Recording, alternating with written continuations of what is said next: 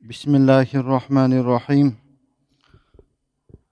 الحمد لله رب العالمين والعاقبة للمتقين والصلاة والسلام على رسوله محمد وعلى آله وأصحابه أجمعين. أما بعد السلام عليكم ورحمة الله وبركاته. قرمت مسلمان باورلار أغاين توستار شاكرتلرimiz bugungi jeksembalik va'izga басып келген қадамдарыңызға алла тағалам сауаптан жазсын бүгінгі сахабамыз холид ибн саид ибн ас бұл сахабаның өмірі бір ғажап бисмиллахи рахмани рахим холид ибн саид ибн ас كان أبي خامسا وهو أول من كتب بسم الله الرحمن الرحيم بنت خالد менің әкем бесінші болған еді дейді. Қараңыз. Бесінші исламға кірген адамдардан болған еді. Және ол әуелгі болып бисмиллахи рахмани рахим деген сөзді жазған адам еді дейді. Бұны айтып тұрған халид ибн саид ибн астың қызы.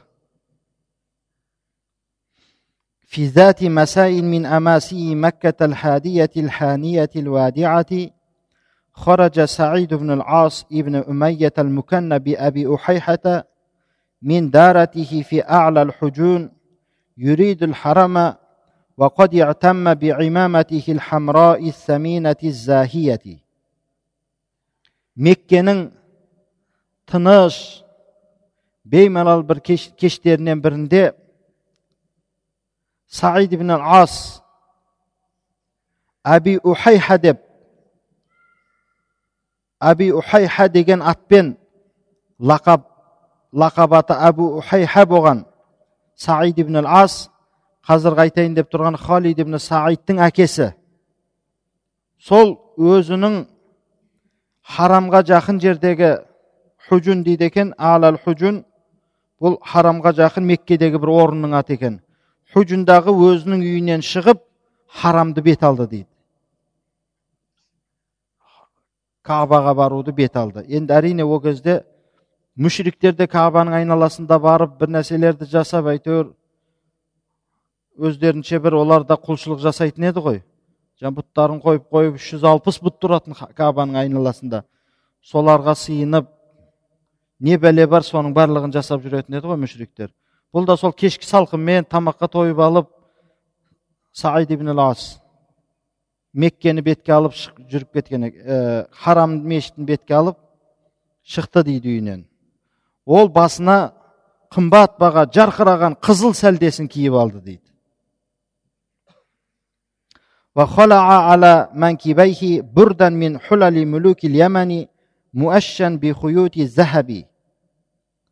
Және иығына яман патшаларының жібегінен болған бір киімді тастап алды иығына. Әлгі байлар жүреді ғой ішек. Бір ішек жаға бір киімдерді киіп алады ғой үстіне. Сол сияқты яман патшаларының жібектерінен болған яман патшалары киетін бір жібек киімді иығына тастап алып ол алтын жіптермен безетілген алтын жіптермен тігілген киімді иығына тастап харам мешітіне қарай бет алды ومشى بين يديه طائفة من غلمانه المقلدين بالسيوف وكان عن يمينه بعض أولاده وعلى رأسهم ابنه خالد оның айналасында қылыш асынған оның қолдарынан біразы айналасында жүретін еді енді қорғаушылары ғой енді былайша айтқанда оның оң жағында оның балалары жүретін еді кейбір балалары олардың басында бүгінгі кейіпкеріміз халид жүретін еді дейді баласы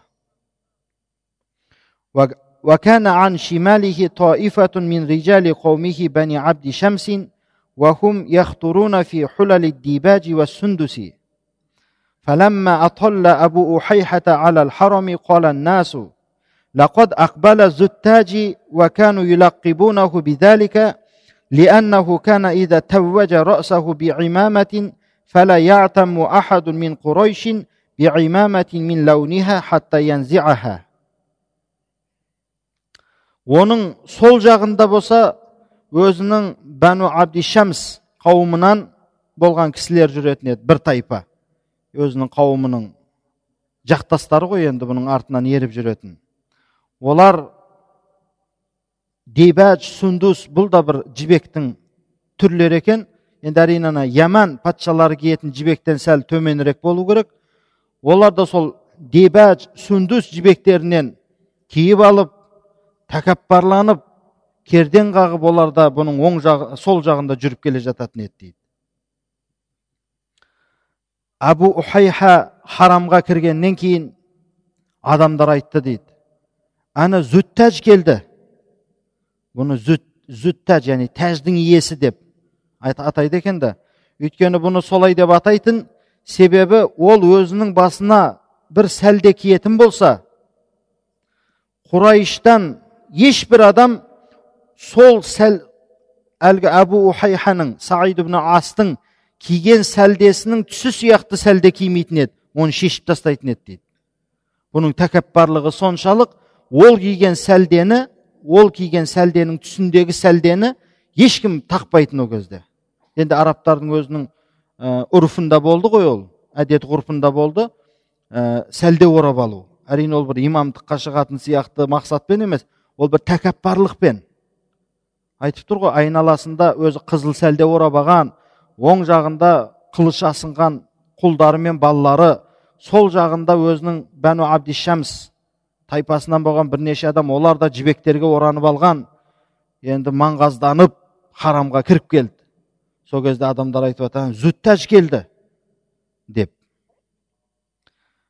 فأوسع الناس الطريق له ولمن معه حتى أخذ مجلسه تحت الكعبة وهنا أقبل عليه أبو سفيان بن الحرب أبو سفيان بن حرب وعتبة بن ربيعة وأبو جهل بن هشام وغيرهم من سادة قريش يحي يحيونه فقال لهم ما خبر سمعت ما خبر سمعته أن سعد بن أبي وقاص تبع محمدا адамдар яғни бұл саид ибн ас пен оның қасындағыларға жолды кеңейтіріп ашып олар кабаның түбінен барып орналасты сол жерге отырды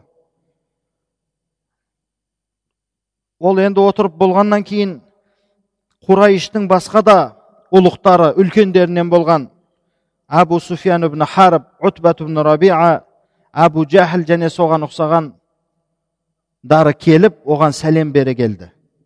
Сол кезде бұл оларға қарап айтты әбу ухайха не хабар ана мен естіп жатқан? Ана саад ибн әби ваққас мұхаммадқа ілесіп кетті дей ма? Ол қандай хабар? деп бұл аналарға сұрақ қойды енді саад ибн әби ваққасты білесіздер алдында өткен وأنه اجترى على رجل من قريش فشج رأسه وأسال دمه لأنه نهاه عن الصلاة لغير آلهتنا ثم قال واللات والعزى إن ظللتم على تحاون تحاون تحاونكم هذا مع محمد بن عبد الله مدارة لبني هاشم لأنحضن, لأنحضن له وحدي ولأمنعن إله ابن أبي كبشة أن يعبد في مكة من қараңыз тәкаппарлықтың менмендіктің шегіне шыққандығын қараңыз ары қарай сөзін жалғап айтып бара жатыр ол саад ибн әби ваққасты айтып жатыр ол құрайыштан болған бір кісіге қол жұмсапты оның басын жарыпты қанын ағызыпты сондағысы әлгі құрайыштың кісісі оны біздің илахтарымыздан басқа нәрсеге намаз оқудан тыйған екен қайтарған екен. Сол үшін ол саад ибн әби ваққас тыңдамастан оның басын жарыпты. Ол кім болып қалыпты соншалықты дегені ғой? Кейін айтып жатыр ләт уәл ұззаға қасам өздерінің сыйынатын бұттарының аты ғой. Ләт уа ұззаға қасам егер сендер осылай мұхаммад ибн абдиллаға ана оның қауымы бәни хашим қауымымен келісіп осылай жеңіл қарап жүре беретін болсаңдар селсоқ жүре беретін болсаңдар мен өзім жалғыз өзім оған қарсы тұрамын. Және әби кәпшаның иләһін меккеде ғибадат қылынудан мен тосамын деп жатыр әби кәпша деп пайғамбарымыз саллаллаху алейхи уассаламның сүт анасы болған. Халима анамыздың күйеуі болатын. Оның аты харис ибн абдул екен. Ол сағди қауымынан сол пайғамбарымызды меккенің мүшриктері ана әби кәпшаның баласы келе жатыр деп мазақтайды екен. Ол енді бір кембағал біреу болған ғой енді. Соны айтып жатыр. Ана әби кәпшаның баласының иләһін аллахына меккеде ғибадат қылынуына мен тосамын деп жатыр қараңызшы аллаға қарсы соғыс жариялап жатыр бұл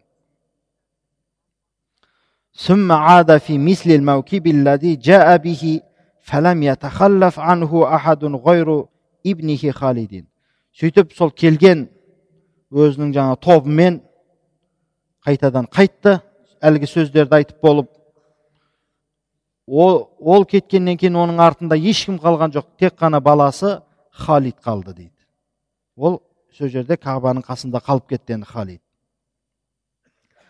لقد ظل خالد بن سعيد بن العاص في الحرم يتنقل بين مجالس القوم ليتنسم أخبار محمد ويتسمع لما يقال عن دعوته енді халид ибн саад ибн ас харамда қалып кетті сол жерде ол қауымның мәжілістеріне барып әр, әр отырған мәжілістерге қалу деген көшіп көшіп барып әр жерде отырған адамдардан барып мұхаммад алейхисаламның хабарын білу үшін сұрастыру үшін соған анық көзін жеткізу үшін қауымдардың мәжілісіне қалды сол жерде.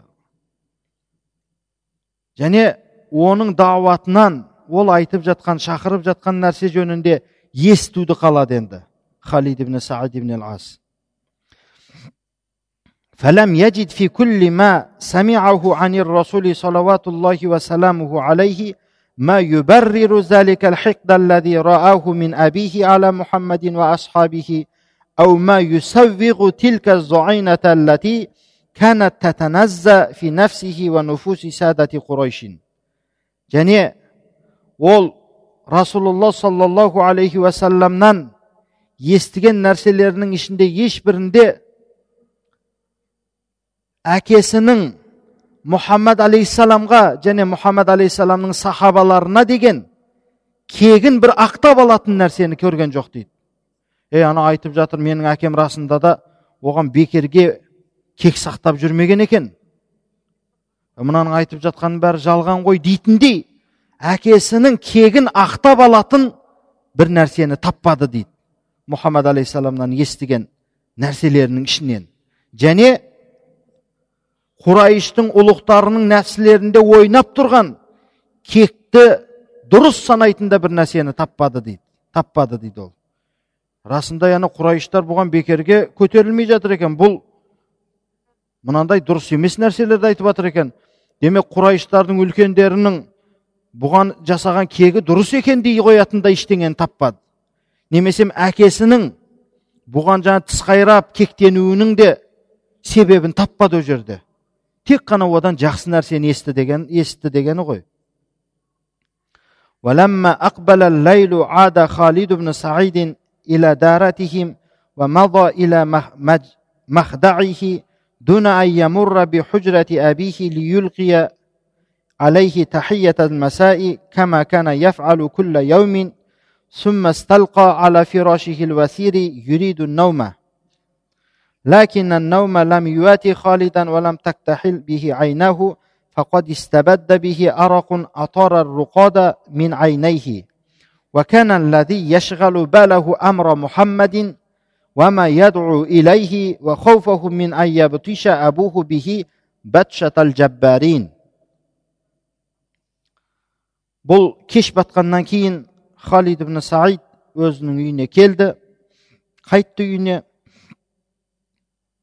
жатар орнына барды жататын төсегіне барды әкесінің хужрасына әкесінің бөлмесіне соқпастан яғни әкесінің бөлмесіне бармастан өзінің тіке жататын орнына қарай кетті әр күні кешке қарай әкесіне барып кештің сәлемін айтып тұратын әдетін істемеді бұл жолы яғни кеш жарық немесе ана бір сөздер бар ғой енді.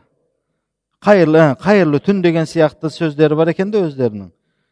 Мәселен сабахул хайыр деп мына ислам сәлемі келгенге дейін ассаламу алейкум деген сәлемге келгенге дейін арабтардың өздерінде сондай қайырлы күн қайырлы түн қайырлы кеш деген сияқты олардың да өздерінің кәлималары болған екен.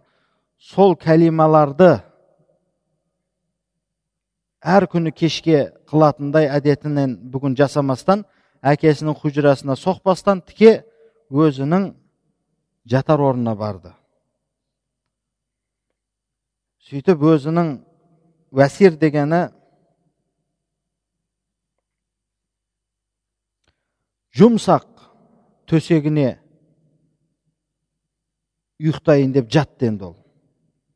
Енді байдың баласы ғой. Бірақ ұйқы оған халидке ұйқы келе қоймады. Оны енді ұйқысыздық иеленіп оның екі көзінен енді ұйқы қашты. Оның ойын сан саққа жүгірткен нәрсе ол мұхаммад алейхисаламның ісі болатын. Және мұхаммад алейхисалам шақырып жатқан нәрсе оның ойын сан саққа жүгірді яғни ойын бөлді.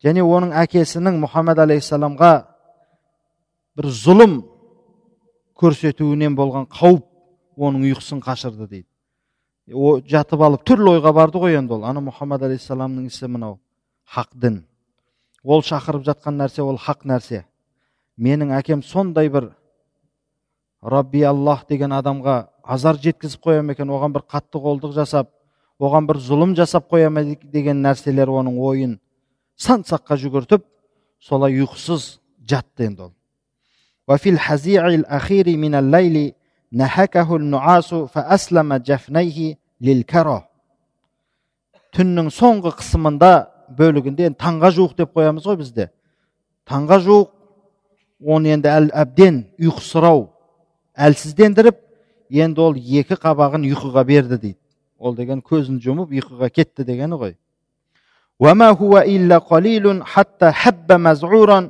ممتقع الوجه يرتجف من حول ما رأى ويهتز من فرط ما عانى وهو يقول أحلف بالله إن هذه الرؤيا لرؤيا حق وإني ما رأيت كذبا وإني ما رأيت كذبا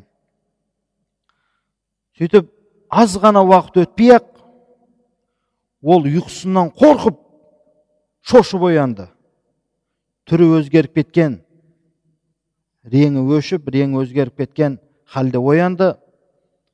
Көрген нәрсесінен қалтырап қорқып және басынан өткен нәрсенің қаттылығынан дірілдеп ол былай деп айтар еді. Аллаға қасам ішемін мен көрген түс ол хақ түс. Мен көрген нәрсе ол жалған емес деп орнынан шошып оянды ол. Не көрді екен ол түсінде? لقد رأى خالد نفسه واقفا على شفير واد سحيق من أودية جهنم لا يدرك الطرف مداه ولا يعرف المرء قراره. وكانت تتلظى في هذا الوادي نار لها شهيق وزفير يخلعان القلوب خلعا ويحصران النفوس حصرا. فلما هم بالابتعاد عن شفير الوادي برز له أبوه وأخذ يشده إلى النار بعنف فجعل يقاوم أباه أشد المقاومة ويسارعه أقصى المصارعة حتى إذا فل عزمه وأوشك أن يهوي إلى شفير جهنم. فإذا محمد بن عبد الله يقبل عليه ويأخذ بحزامه بكلتا يديه ويجذبه إليه جذبا.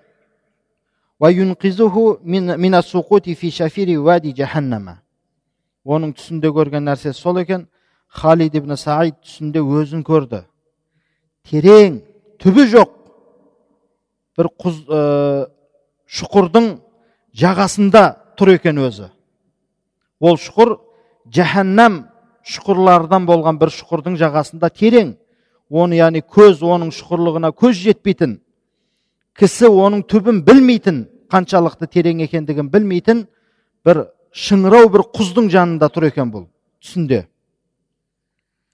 ол уәдиде шұқырдың ішінде әлгі жаһаннам шұқырларынан болған бір шұқырдың ішінде есектің өзі шахиқ деп есектің аңырауын айтады екен зафир деп бір ысылдаған дауыс әлгі дем шығарады ғой адам сол сияқты бір терең дем шығару сондай бір дауыстар алаулап тұрған от соны көрді ол түсінде.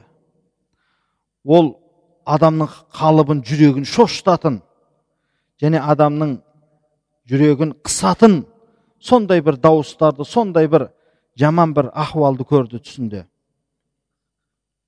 Кенет ол сол шұқырдың жанынан ұзақтайын деп енді кетейін десе әкесі кеп қалды оның қасына. Саид ибн ал ас әбу ухайха. Келді де оны әлгі отқа қарай қатты бір дөрекілікпен отқа қарай тарта бастады әлгі баласын шұқырға құлатуға. Халид ибн саидті бұл болса әкесіне қарсы қарсылық көрсетті енді. Оңайшылықпен шұқырға құлағысы келмейді ғой енді адамның. Әкесімен қарсы күресіп қарсыласып жатып әбден әлі бітті енді бұның. Яғни ва вахана. Әбден әлсіреп әлі біткен кезде енді оны жаһаннамның әлгі шұқырына әкесі түсіремін деген кезде мұхаммад ибн абдиллах пайғамбарымыз саллаллаху алейхи уассалам келіп оның белдігінен екі қолымен ұстап оны тартып алды дейді. Сөйтіп оны жаһаннамның шұқырына құлап кетуден құтқарып қалды пайғамбарымыз алейхисалам түсінде болып жатқан нәрсе бұл қараңыз алла тағала әркімге әртүрлі хидаятты нәсіп етеді бұған яғни бұның хидаятқа келу оқиғасын баяндап жатыр ғой ما كاد ينبلج ينبلج الصبح حتى مضى خالد بن سعيد إلى منزل أبي بكر الصديق رضوان الله عليه ذلك لأنه كان يأنس به ويطمئن له таң атқаннан кейін халид ибн саид әбу бәкір сиддық разиаллаху анхудың үйіне барды өйткені бұл оны дос тұтатын еді және әбу бәкір сыдық разиаллаху анхуға сенер еді дейді өйткені хазіреті әбу бәкір сыдық разиаллаху анхудың мінезі өте жұмсақ өте бір керемет адамдар оны бір араласып ақ дос тұтып қалатын адам ғой бұл халид ибн саид оның әкесі мүшрик болса да әбу бәкір сыдық разиаллаху анхуға бұрыннан оған бауыр басып бұрыннан оған сенетін кісі болғандықтан әлгі түсін көріп болып ақ таң атысымен хазіреті әбу бәкір сыддық разиаллаху анхудың алдына кетті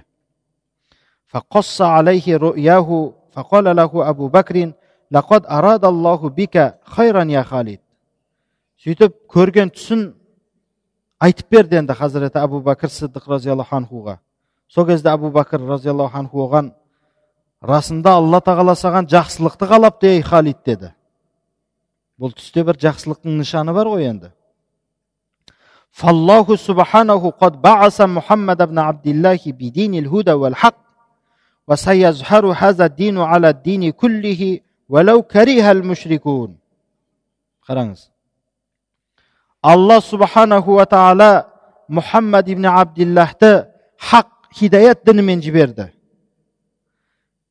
көресің әлі осы дін бүкіл дінге бүкіл дінді жеңіп бүкіл діннің үстіне шығатын дін болады бүкіл дінге үстін дін болады. Егер де оны мүшриктер жек көрсе де дейді. Бұл дінді мүшриктер қаламаса да бұл дінді мүшриктер жаман көрсе де бұл дін әлі ақ ең хақ ең соңғы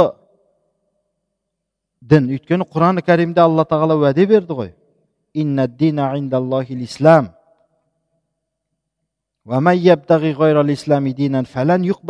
Деді осы аяттарды хазіреті әбу бәкір сиддық разиаллаху анху алладан уәде екендігін білет. сөйтіп айтып жатыр оған. Мұхаммад алейхисаламды хақпен жіберді алла тағала. Мүшриктер жек көрсе де әлі бұл мұхаммад алейхисаламның діні ең жер бетіндегі ұлық жеңіс тапқан дін болады деді сен де осы дінге сен де осы мұхаммад алейхисаламның артынан ергін ей халид деп хазіреті әбу бәкір сыддық roziyallohu anhu nasihat jasadi endi halidga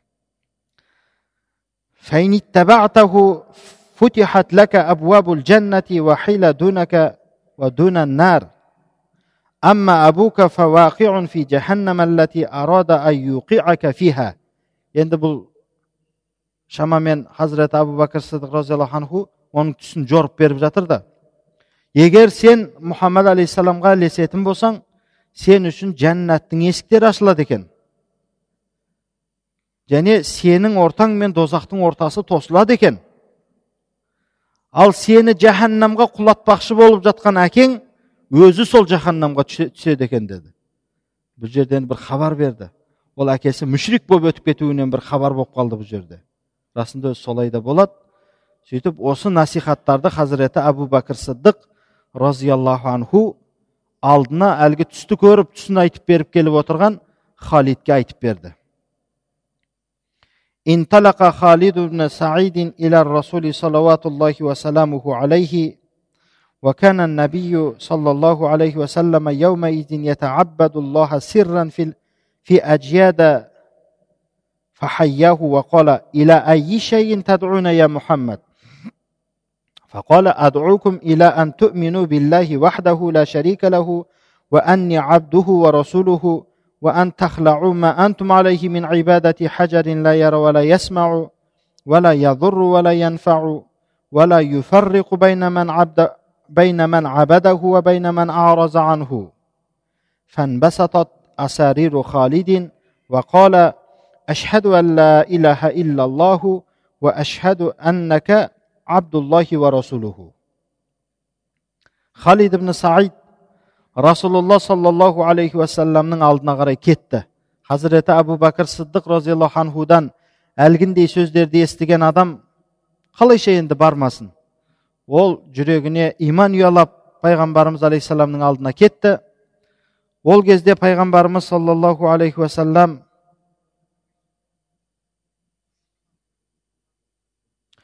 меккенің айналасындағы бір жерлерде жасырын алла тағалаға ғибадат құлшылық қылатын еді ол кезде. Яғни ашықтан ашық мүшриктермен әлі пайғамбарымыз және пайғамбарымыздың артынан ерген адамдардың саны өте аз болған үшін жасырынша меккенің бір соқпақ далаларынан бірі пайғамбарымыз алейхисалам харам мешіттің айналасында әрине ол да. Ғибадат жасайтын еді. Барып пайғамбарымыз алейхисаламға сәлем берді халид ибн саид. Сөйтіп айтты я мұхаммад саллаллаху алейхи уассалам не нәрсеге шақырасың бізді? деді. Не нәрсеге шақырасың бізді? деді. Сонда пайғамбарымыз алейхисалам мен сендерді жалғыз алла тағалаға иман келтіруге серігі жоқ болған жалғыз алла тағалаға иман келтіруге шақырамын. Және де мен алланың құлы әрі пайғамбары елшісі екендігіне куәлік беруге шақырамын. Және сендер сиынып жатқан тас ол көрмейді ол естімейді ол зиян да жеткізе алмайды ол пайда да жеткізе алмайтын өздерің сиынып жатқан тасты тәрк етуге шақырамын мен оны тастауға шақырамын. Және ол өзіне ғибадат жасаған адаммен өзінен бет бұрған адамның да арасын ажырата алмайтын тас дейді пайғамбарымыз алейхисалам сол тастарыңа ғибадат жасаудан мен сендерді қайтарамын деді. Сол кезде халид ибн саидтың маңдайы жазылып сала берді енді қуаныштан. Сөйтіп айтты. Ашхаду ла илаха иллаллах уа аннака абдуллахи ва расулуху. Яғни жалғыз серігі жоқ болған алла тағалаға ғана құлшылыққа лайық алла тағала екендігіне куәлік беремін және сен алланың құлы әрі елшісі екендігіңе куәлік беремін деді халид ибн саид فكان خالد بن سعيد بن العاص خامس خمسة أو سادس ستة أسلموا على ظهر الأرض إذ لم يسبقوا إلى هذا الفضل العظيم غير حديجة بنت خويلد وزيد بن حارثة وعلي بن أبي طالب وأبي بكر сиддиқ уа сад ибн әби ваққас разиаллаху анхум әжмаин қараңыз қандай бақытты адам пайғамбарымыз саллаллаху алейхи уассаламға барып иман келтірген осы халид ибн саад ибн ас бесінші адамның бес адамның бесіншісі еді дейді иман келтірген немесе алты адамның алтыншысы я бесінші я алтыншы дегені ғой жер бетінде ислам келтірген адамдардың ішіндегі алтыншы я бесінші адам еді дейді. Қараңызшы. Демек пайғамбарымыз саллаллаху алейхи уассалам хақ дінді хидаят дінін алып келген уақытта бұның алдына бұндай үлкен фазилатқа бұндай үлкен құрметке ие болған адамдар хадижату бинт хуайлид пайғамбарымыз саллаллаху алейхи уассаламның жұбайы үммул мүминин екінші зайд ибн хариса үшінші али ибн әби талиб төртінші әбу бәкір сыдық разиаллаху анху бесінші сад ибн әби ваққас разиаллаху анху мәжмаин осы кісілерден кейінгі демек алтыншы болып исламға келген адам екен халид ибн саид біліп қояйық демек хадижа анамыз hazrati ali roziyallohu anhu zayd ibn harisa payg'ambarimiz sollallohu alayhi vasallamning mutabanna bolasi abu bakr siddiq roziyallohu anhu sad ibn abi vaqqos undan keyin xalid ibn said ibn as ترك خالد بن سعيد قصر أبيه المنيف في أعلى الحجون وأعرض عن حياته الغزة المترفة وعيشه عيشه الرغيد الناعم ولحق بالرسول صلوات الله وسلامه عليه وجعل يتنقل معه ومع أصحابه بين شعاب مكة فيتملى من مشاعر الإيمان. ويحفظ ما ينزل على النبي الكريم صلى الله عليه وسلم من آي القرآن ويعبد الله سرا خوفا من أذى قريش فلما طالت غيبة خالد عن البيت افتقده أبوه فلم يجده فبعث العيون وراءه فجاءته الأخبار تقول إنه أسلم وتبع محمدا خالد بن سعيد өзінің әкесінің әлгі меккенің жанындағы үлкен биік хужун деген жердегі ә, муниф деп биік үйін қасырын тастап коттеджін тастап дегені ғой. Өзінің бір жұмсақ керемет сүріп жатқан өмірін рахат тіршілігін рахат бір маишатын тәрк етіп әкесінің үйінен шығып кетті енді ол. Сөйтіп пайғамбарымыз саллаллаху алейхи уассаламға ерді. Пайғамбарымызбен бірге және пайғамбарымыз саллаллаху алейхи уассаламның сахабаларымен бірге меккенің соқпақ далаларында кезіп жүретін еді дейді. Меккенің сыртындағы далаларда мүшриктерден жасырын ғибадат жасау үшін әкесінің жаңағы үлкен үйін рахат өмірін қашан барса асы дайын төсегі дайын болған рахат өмірін тәрк етіп пайғамбарымыз алейхисаламның қасынан барып қиын өмірді өзіне таңдады ол. Өйткені ол кезде өте қиын болатын. Пайғамбарымыз алейхисаламның қасындағы жаңағы бес алты ғана кісі олардың мүшриктермен тайталаса қоятындай күші жоқ еді. Сол үшін амал, амалсыздан имандарын жариялап намаздарын жариялап оқи алмайтын халде еді олар. Иманның рахатынан иманның белгілерінен рахаттанып бұл сөйтіп өмір кешетін еді. Пайғамбарымыз саллаллаху алейхи уассаламға түсіп жатқан құран аяттарынан жаттайтын еді. Алла тағалаға сыр яғни жасырын құрайыштың азарынан қорыққандығы үшін ғибадат құлшылық жасайтын еді. Енді халид ибн саидтың үйде көп болмай қалуы әкесіне күмән тудырып әкесі енді оны іздей бастады. Үйінде жоқ болып қала берді ғой енді баласы. Ол ашық айтпады әлі әкесіне өзінің иманға келгендігін. Өйткені ол қазір алдыда өтеді қандай қиыншылықтарды әкесі бұған көрсетеді. Сөйтіп әкесі оны іздеп артынан бір тыңшы қойып қойды енді.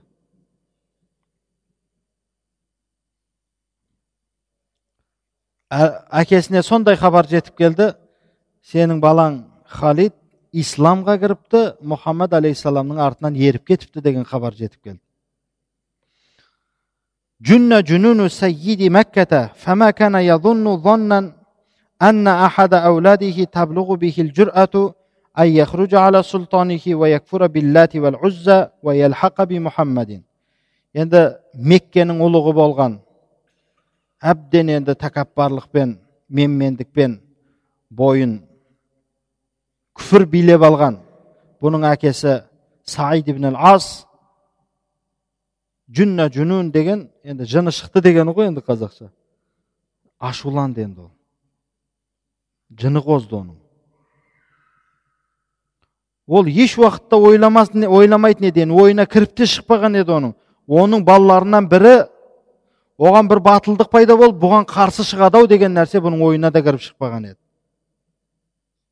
сөйтіп бұған қарсы шығып бұлар сиынатын ұзза уа ләттарға күфір келтіреді мұхаммад алейхисаламның артынан еріп кетеді ау деген нәрсе бұның әкесінің ойына да кіріп шықпаған еді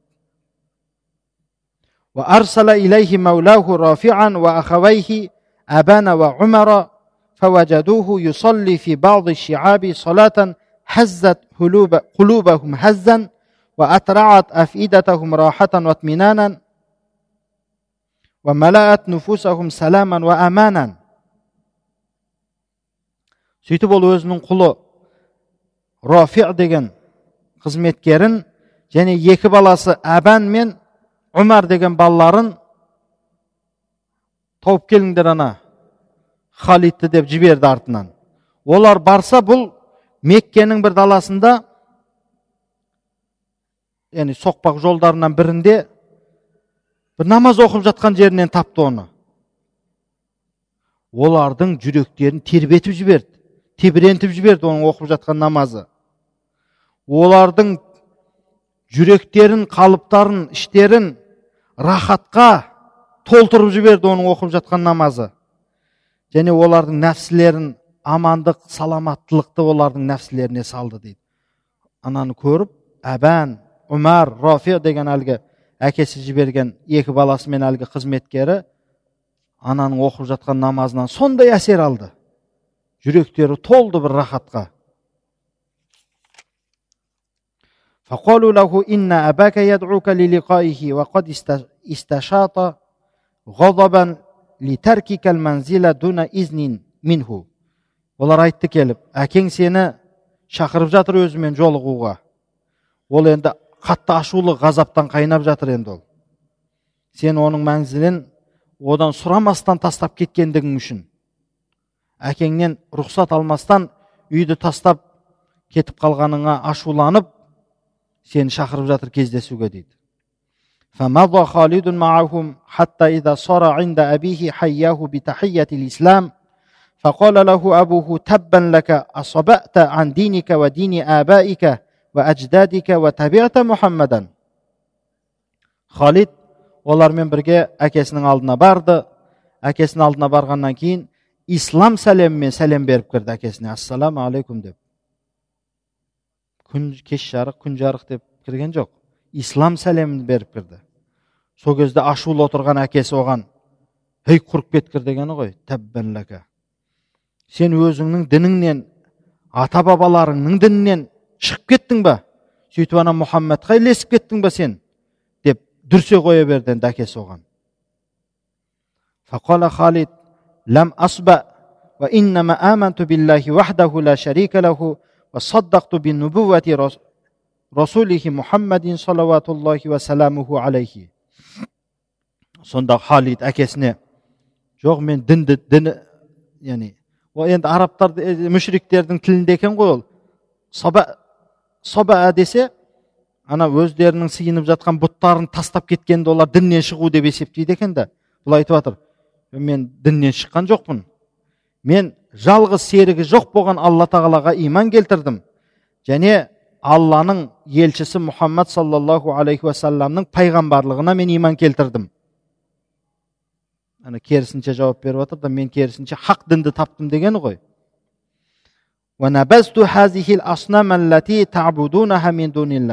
Мен алладан басқа сендер ана сиініп жатқан сіздер сиініп жатқан бұттарды мен тәрк қылдым діннен шыққан жоқпын мен деп жатыр да. فقال أبوه ويحك أتقول إنك صدق صدقت هذا المدعي сонда әкесі ой сонда сен айтпағың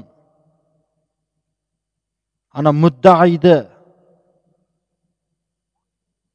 соның сөзін растаймын деп тұрсың ба сен маған деп тұр да мүддаи деп дауа қылушы яғни бір өзі өтірік айтып сол айтқан нәрсесінің шын екендігіне дауа қылатын адамды айтады мүддаи деп.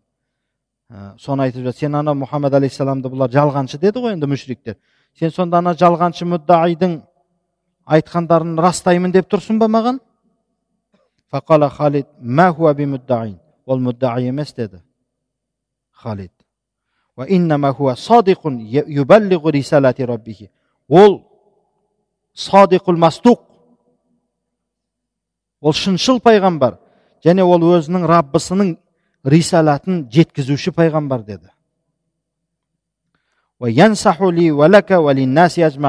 ол адамдарға да сізге де маған да барлығына тек қана жақсылық ойлайтын насихат айтатын пайғамбар деді فقال أبوه لا بد من أن تعرض عنه وتكذبه فقال خالد لا أفعل ما دام في عرق янбизу сонда әкесі оған бәрібір сен одан жүзіңді бұрып оны жалғаншы деуің керек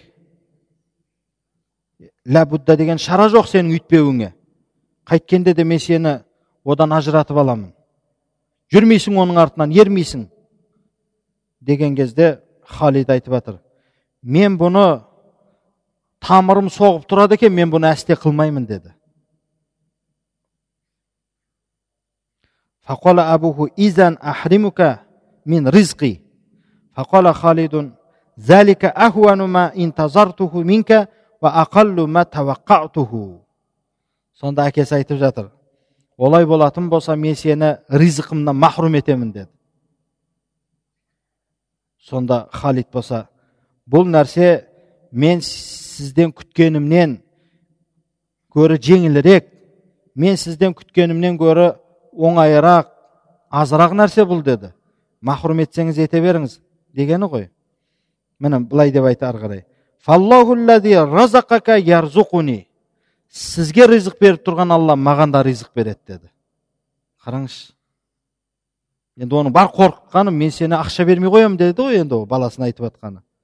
Сөйтсе айтып жатыр бұл мен сізден күткенімнен гөрі жеңілірек нәрсе өзі бұл алла ризық беруші саған да ризық береді маған да ризық береді деп жатыр да فتميز سيد بني عبد شمس غيظا منه وانحل عليه بعصا غليظة أعدها له فشج رأسه وأسال دمه енді бәни абди шамстың саиды мүшриктердің енді сол бір қабиласы ғой енді абду шамс деген соның ұлығы болған бұның әкесі бұның бұл сөздерінен ғазабы келді енді.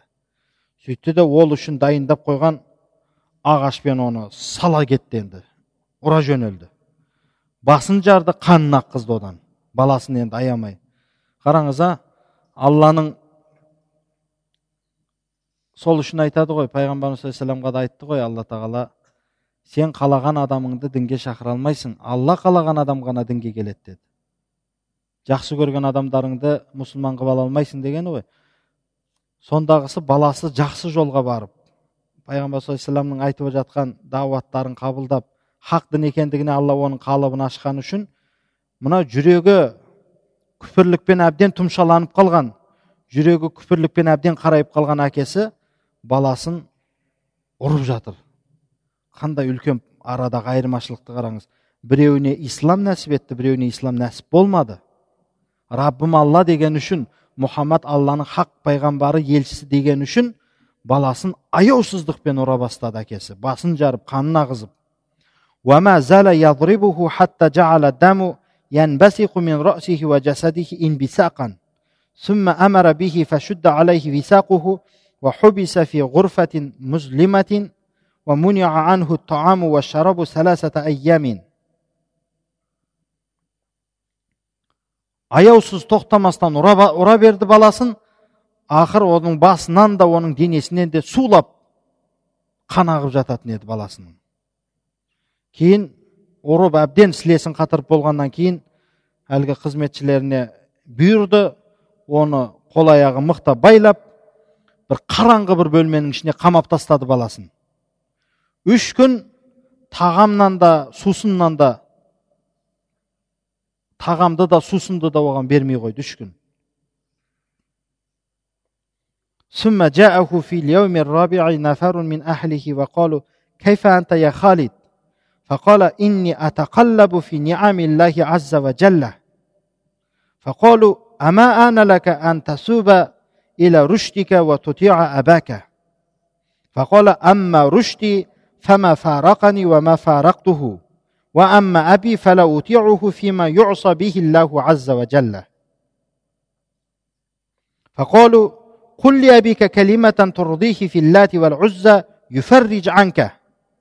فقال إن اللات والعزى حجران أصمان أبكمان وإني لا أقول فيهما إلا ما يرضي الله ورسوله وليفعل بي ما يشاء. mana to'rtinchi kun bo'lganda үй отбасынан бірнеше кісі келіп енді ағалары болу керек. Келіп халидке айтып жатыр қалайсың ей халид? деп. Сонда халид болса мен алла тағаланың нығметтерінде аунап қунап жатырмын рахаттанып жатырмын дейді. Ол аштық суды бермей қою оған әсер етпейді. Өйткені ол алла тағаланың нығметінде мен атақаллабу дегені аунап қунап рахаттанып өмір сүріп жатырмын дегені ғой. Сол кезде әлгі келгендер айтып жатыр оған. Енді ақылға келіп ана әкемізге итаат қыла салсаң болмай ма? дейді. Дегені бізде де бар ғой. Ақылға салсайшы ақылға келсейші енді дейтін сөз бар ғой. Соны айтып жатыр. Енді ақылға келіп сен ана әкеңе итаат қыла салсаң болмай ма енді ей? Халид енді жәндер ашып жатыр ғой енді. Сөйтсе халид айтады амма енді менің ақылым жайымда дейді яғни ақылым мені мені тастап кеткен жоқ ажырап мен ақылымнан ажыраған жоқпын бірақ мен әкеме алла тағалаға күнәһар болынатын орында мен оған итаат қылмаймын деді бір хадис бар ғой дейді яғни ал жаратушыға күнәһар болатын орында жаратылысқа итаат қылынбайды дейді онда әкесі де алланың бір мақлуқы ғой ол сөйтіп әлгілер айтып жатыр оған тағы да. Сен ана әкеміз әкеңе ләт уа ұззаны разы қылатын бір сөзді айта салсайшы әкең сені азаптаудан тоқтасын дейді. Е айта салшы бір кәлима де сөйтсе халид айтады әлбетте ол ләт пен ұзза сақау керең бол тас ол ештеңені естімейтін ештеңені көрмейтін ештеңеге пайдасы тимейтін ештеңеге зияны тимейтін ол тас ол екеуі. А мен ол екеуіне тек қана алланы және алланың расулы пайғамбарымызды ғана разы қылатын сөздерді айтамын мен ол екеуі турасында дейді. Яғни ләт пен ұзза жөнінде. Мен әкем разы болсын деп ләт пен мақтай алмаймын. Алла мен алланың расулы разы болатын нәрселерді айтамын. Оның тас екендігінің оның түкке тұрғысыз бір керең соқыр мылқау не жамандық бар сонымен атаймын ол екеуі жөнінде деді да. Ал әкем маған қалағанын қылсын деді. Мені бұл бетімнен ешкім қайтара алмайды деп бұл енді хақ нәрсені айтып жатыр. Шәдда әбу ухайхата وأمر أتباعه أن يخرج به كل يوم عند الحاجرة إلى بتحي مكة وأن يلقوه بين الحجارة حتى تسحره تسحره الشمس. فكان كلما أخرجوه ألقوه في الحاجرة يقول الحمد لله الذي أكرمني بالإيمان وأعزني بالإسلام. endi أبو حيحاء خالد بن سعيد سعيد said balasining қол аяғын шешіп қасындағыларға оны әр күні түс, түс мезгілінде хәжира деп өзі күннің әбден қызған уақытын айтады. Мына сәске түс кезінде меккенің сыртындағы бір құм далаға апарып тастардың арасына тастаңдар бұны апарып. Сол жерде бұны еріп кетсін күнге дейді екен. Мына шамс деп күн бұны ертіп күйдіріп жіберсін деп қараңызшы мына әкенің соншалықты алла тағала көр соқыр қылып қойған баласына рахымы да келіп тұрған жоқ оның. Әбден ұрып азаптап тамақ бермегенмен қоймай аяқ қолын шешкізіп енді сүйреп апарып анау меккенің сыртындағы тастардың арасына апарып тастаңдар күн бұны күйдіріп тастасын? деп бұйырды. Әр күні әлгі әкесінің жендеттері бұны түс кезінде апарып әлгі тастардың арасына күнге күйдіріп азаптау үшін алып шыққан кезде бұл айтады екен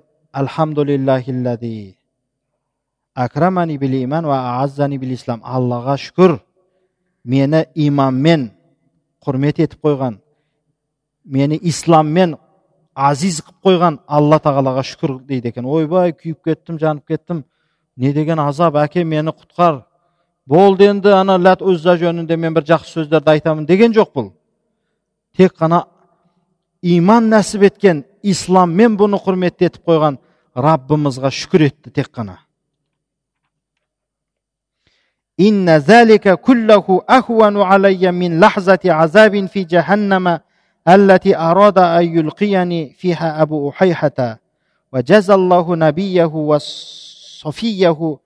عني وعن المسلمين أكرم الجزاء ثم حانت لخالد فرصة فتفلت من سجن أبيه ومضى إلى نبيه صلوات الله وسلامه عليه және ол тағы сөзінде айтады екен әлбетте бұл нәрсенің барлығы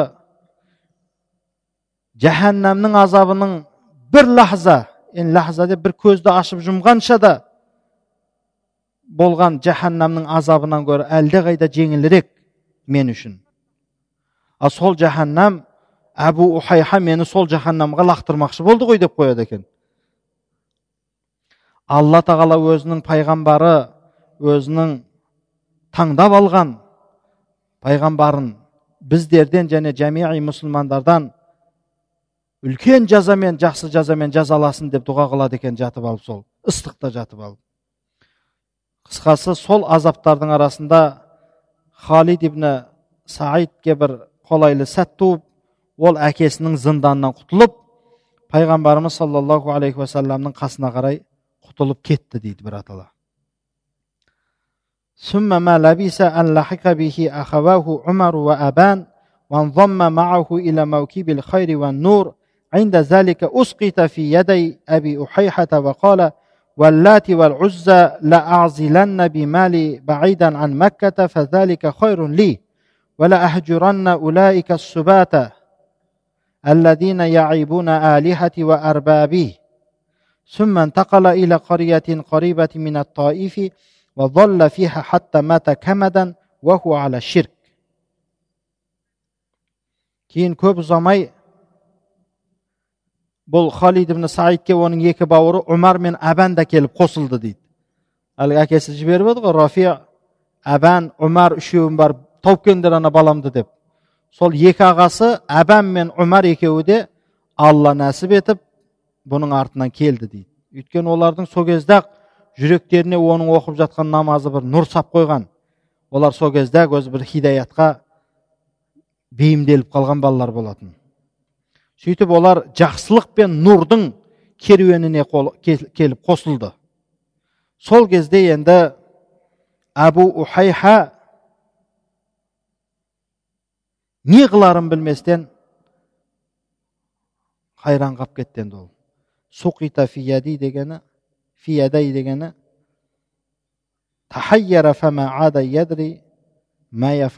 не қыларын білместен қайран болып қалды сөйтіп тұрып айтты дейді ол. Алла ләтке уа ұззаға қасам. Ай бейшарай сонда да балалары кіріп жатыр дінге ал ләтке және ұззаға қасам. Мен мал дүниемді алып меккеден ұзағырақ жерге мен шығып кетейін. Сол маған жақсырақ. Мынау менің илахтарымды менің арбап деп енді өздерінің илахтарын айтады ғой жаңағы. Менің құдайларымды айыптап жатқан мына діннен шығып кеткен бәлелерден гөрі ұзағырақ жерге барып тұрайын деп әкесі балаларының дінге кіріп кеткендігіне қатты қайғырып тойф деген жерге жақын бір ауылға көшіп кетіпті меккеден. Сөйтіп сол жерде ренішпен қапалықта өлді ол ширк болып өлді дейді. Яғни ширкте тұрып мүшрик болып ренішпен қапамен өліп кетті сол жерде. міне алла нәсіп етпеді оған ана абу бәкір сыдық разиаллаху анху айтты ғой сені дозаққа түсірем деп жатқан әкеңнің өзі дозақы болады деді ғой міне сол келді міне ولما أذن الرسول صلوات الله وسلامه عليه لأصحابه بالهجرة إلى الحبشة نزح إليها خالد بن سعيد بن العاص ومعه زوجته أمينة بنت خلف الخزاعية وقد أقام فيها بضع عشرة سنة داعيا إلى الله ولم يغادرها إلى المدينة إلا بعد أن فتح الله على المسلمين خيبره пайғамбарымыз саллаллаху алейхи уассалам өзінің сахабаларына хабашстан еліне хижрат жасауға рұқсат берген кезде халид ибн саид өзінің әйелі әминату бинті халаф хузаилік әминату бинті халаф өзінің әйелімен бірге бірнеше сахабалармен бұл да хабашстанға көшті. Сол жерде он шақты жыл биза деп өзі үштен тоғызға шейін болған санды айтады екен біз ашарата десе он шақты. Он жыл ма он бір жыл ма он үш жыл ма алла біледі.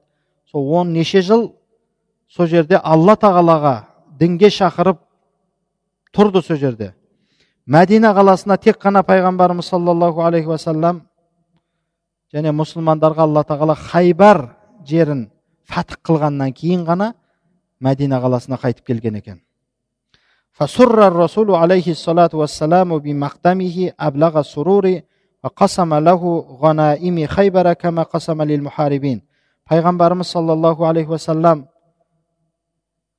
халид ибн саидтің хабашстаннан мәдинаға келуіне қатты қуанды тура хайбардан келген сәт екен ғой сол хайбардан түскен олжадан соғысқа қатысқандарға қанша олжа берген болса бұған да сонша олжа берді дейді ثم ولاه اليمن فظل واليا عليها إلى أن لحق الرسول الكريم صلى الله عليه وسلم بجوار ربه сөйтіп пайғамбарымыз алейхисалам оны яманға уәли етіп қойды әкім етіп қойды сөйтіп пайғамбарымыз саллаллаху алейхи уассалам раббысының құзырына кеткенге дейін сол яманда әкімдік қызмет қылды дейді яғни раббысының құзырына деген пайғамбарымыз алейхисаламның дүниеден өткенге дейін дегені وفي عهد وفي عهد عهد الصديق رضي الله عنه انضوى خالد بن سعيد بن العاص تحت لواء الجيش متجه إلى بلاد الشام لحرب الروم فأبلى في ميادين القتال بلاء يليق بفارس كمي مثله. أبو بكر الصديق رضي الله عنه خليفة دورінде халид ибн саид ибн ас румдықтармен соғысу үшін шам қалаларына бет алған әскердің туының астына келіп қосылды енді ол да мен соғысқа шығайын деп сөйтіп сол соғыста соғыс майданында нағыз палуан нағыз батырға лайықты ерлік көрсетті сол соғыста румдықтармен болған соғыста وقبيل معركة مرج السفر مرج السفر التي وقعت بالقرب من دمشق خطب خالد أم حكيم بنت الحارث وعقد عليها فلما أراد أن يعرس بها قالت يا خالد يا خالد حبذا لو أخرت إلى أن ينفض الناس من تلك المعركة التي أرانا مقدمين عليها. فقال لها إن نفسي تحدثني بأني سأصاب فيها. ثم أعرس بها وفي صباح اليوم الذي تلا زفافه أولم لأصحابه فما كادوا يفرعون يفرغون من طعامهم حتى صفت الروم جنودها صفا وراء صف маржи суффар деген димашқа жақын жерде болған бір соғыс бар сол соғыстан аз ғана алдын халид ибн саид үмму хаким бинтл харисті өзіне некелесуге шақырды. Хатаба деп яғни оның қолын сұрады дейміз ғой жаңағы маған некелес деп. Өзі үмму хаким деген кім еді? Ол икримат әби жахл разиаллаху анхудың әйелі болатын. Енді икримат ибн әби жахл өтіп кеткеннен кейін соны халид ибн саид некелесуін сұрады. Сөйтіп некелесті онымен сол неке түнін өткізейін деп яғни төсекте болу үшін ә, сөз салғанда әлгі әйел айтқан екен үмму хаким ей халид бұл нәрсені мына соғыс яғни біз көріп тұрғандай мына қазір біз мәржіс суфар соғысына келіп тұрмыз ғой адамдармен бірге.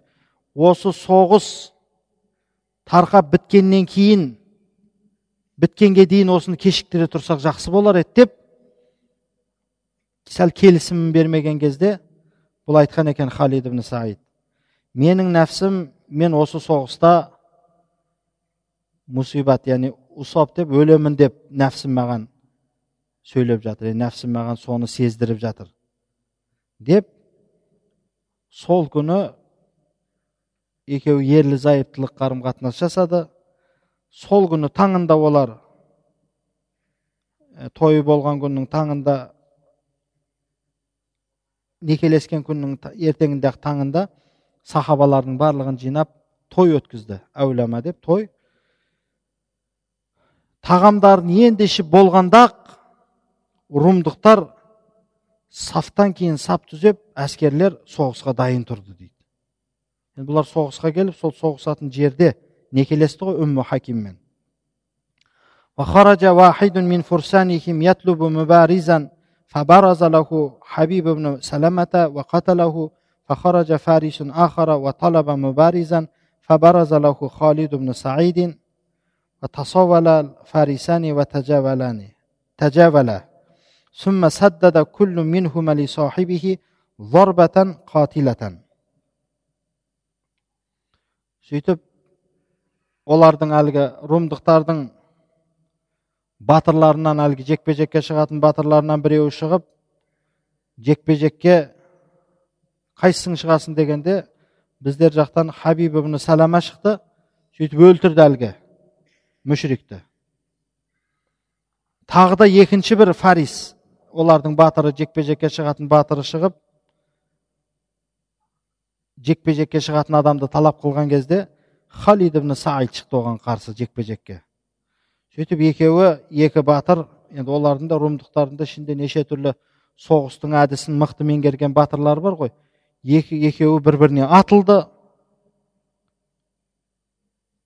Өзара жаңа ат салысып жаңа ат салу дегені аттарымен атқа мінген күйінде. Сөйтіп екеуі бір біріне өлтіретін соққы жасады дейді бір. Қатты сондай бір соққы жасады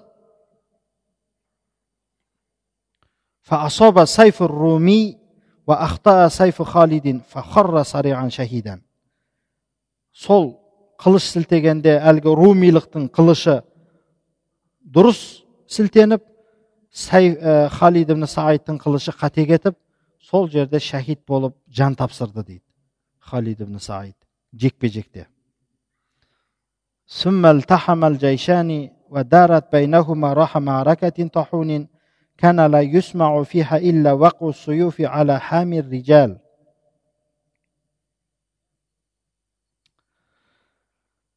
сөйтіп екі әскер енді басында соғыстың басында әдетте жекпе жек шығып алады ғой бірінші бұл халид ибн саид жекпе жекте жан тапсырғаннан кейін екі жақтың әскері соғысқа кірісті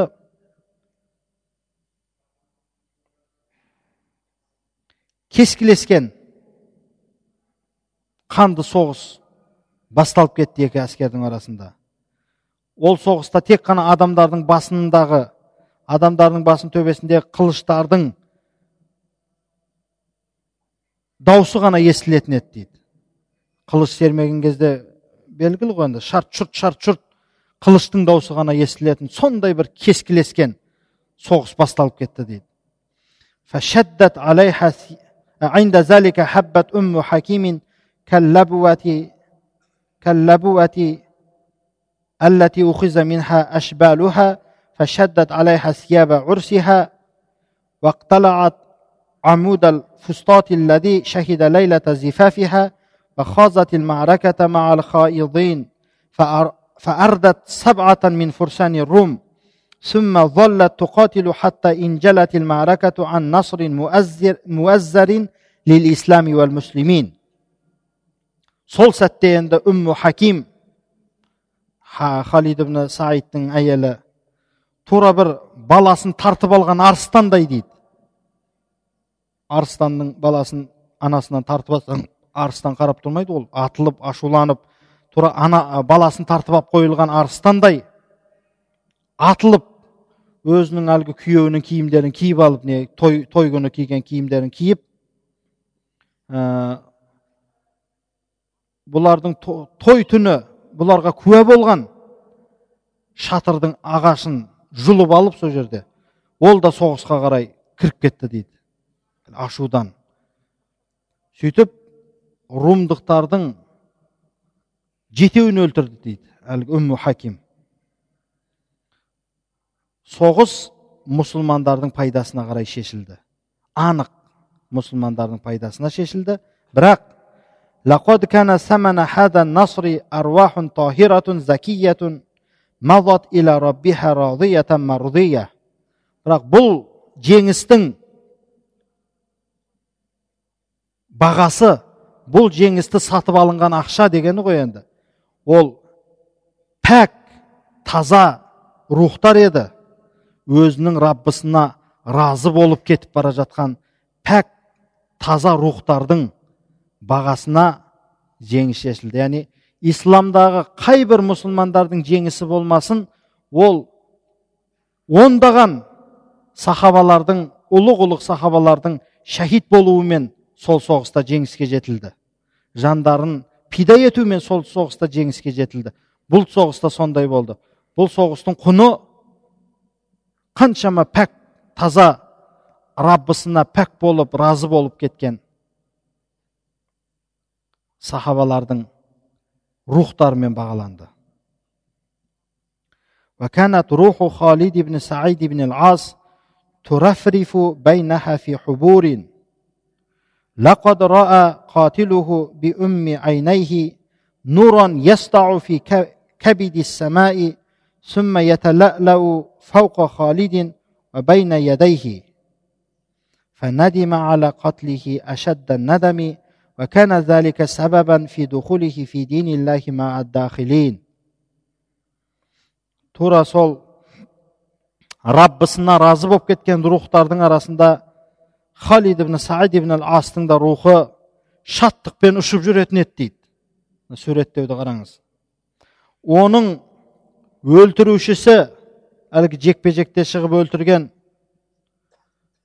аспан жүзінен аспаннан жарқырап шыққан халид ибн саидтың айналасында жарқырап төбесінде жарқырап тұрған оның айналасында жүріп тұрған нұрды өз көзімен көрді әлгі оның өлтірушісі сөйтіп оны өлтіргеніне қатты өкінді дейді. Сол өкініші оның басқа да дінге кірушілермен бірге алланың дініне кіруіне себеп болды дейді. Демек халид ибн саидтың жекпе жекте өлтірушісі кейіннен дінге кірген екенін біз осы жерден біледі екенбіз. Осымен халид ибн саид ибн астың да хикаясы тамам болды.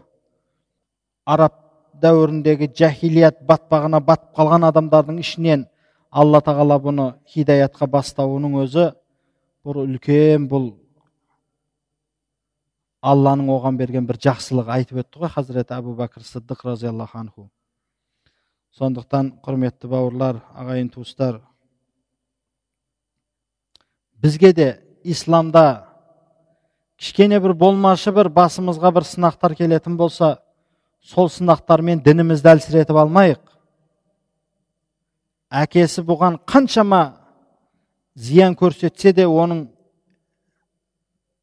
титтей де оның иманы әлсіреген жоқ. Керісінше акрамани ислам деп тек қана алла тағалаға шүкір етумен болды. Сондықтан бізге де алла тағалам осы ислам дініне қызмет етуде түрлі сынақтарды береді. Біздің айтып жатқан нәрселеріміздің бәрі орындала қоймас. Біз қаншама елдерді жақсылыққа шақырып жамандықтан қайтарамыз. Ол нәрселеріміз бір күнде бола қоймас. Талай талай сынақтардан өтерміз. Бірақ имандарымызды әлсіретпеуіміз керек. Жамағатқа кей кезде былай мына адамдар бір алла тағаланың ал, не, хиләсі деген болады соған түсіп қалады. Онда мындай болады екен. Мәселен біреулер бар намаз оқымай жүрсем де маған бәрі болып жатыр ғой. Бәрі болып жатыр ғой. Ақша да болып жатыр қызмет те болып жатыр деп алла тағаланың хиласы алла тағаланың айласына түсетін адамдар бар. Алла тағала оны солай солай сынап келіп бір күні оңдырмастан сыбағасын береді. Ал енді керісінше алланың дініне кіріп намаздарды жамағатпен орындап иманы күшейіп жүрген адамдардың кей кезде басына бір болмашы бір сынақтар түссе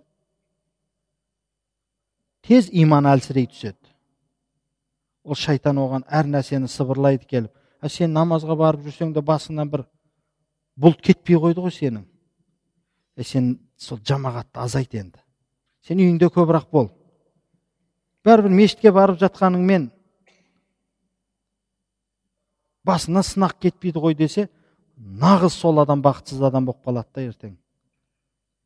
Өйткені алла сүйікті пендесіне сынақ береді. Алла тағала қалаған пендесіне сынақ береді. Сынап көреді әлгінің иманын. Бәрі жақсы бәрі жақсы болған кезде жүгіріп мешітте болып сәл басына қиыншылық түссе мен қанша мешітке барып жамағатта тұрғаныммен қанша бір жақсылықтар жасағаныммен мына басымнан сынақ кетпей қойды ғой десе ол адамның иманы әлі толық иман емес ол иманын күшейту керек керісінше وآخر دعوانا أن الحمد لله رب العالمين اللهم يا مقلب القلوب ثبت قلوبنا على دينك اللهم يا مصرف القلوب صرف قلوبنا على طاعتك وعلى عبادتك وعلى علمك يا رب الله يا جرأت يمز бүгін міне халид ибн саид ибн ас разиаллаху анхудың өмірін оқыдық бұл сахабалардың өмірлері біздер үшін үлкен өрнек үлкен үлгі. Бұл сахабалар осы біздің асыл дініміз үшін жандарын пида етіп шәһид болып кетті. Біз енді осы асыл дінімізді ары қарай да тік тұрған байрағын жерге құлатпастан абыройын осы дініміздің және де асқақтатып өзіміздің нағыз мұсылманға тән қылықтарымызбен әдептерімізбен мінез құлықтарымызбен көрсетіп дінімізді құрметтеуді алла тағалам біздерге өзің нәсіп ете көр осында уағызға қатысып отырған барлық жамағатымызды соның ішінде медресеміздің тәләбаларын алла тағалам өзің үлкен пайдалы ілім нәсіп ете көр сол ілімдерімен елімізге дінімізге халқымызға қызмет етуді алла тағалам өзің нәсіп ете көр я раббым алла сыртта жүрген дініміздің жақсылықтарынан махрұм болып жүрген әуроттың не екенін білмей жүрген біздің апа қарындастарымызға алла тағалам өзің инсаф тауфиқ бере көр я раббым алла өзіңнен ғана жәрдем сұраймыз я раббым алла өзіңе ғана сыйынамыз алла тағалам оларға бір саңлау оларға бір сана бере көр я раббым алла وصل اللهم وبارك على محمد وعلى آله وأصحابه أجمعين برحمتك يا أرحم الراحمين الله أكبر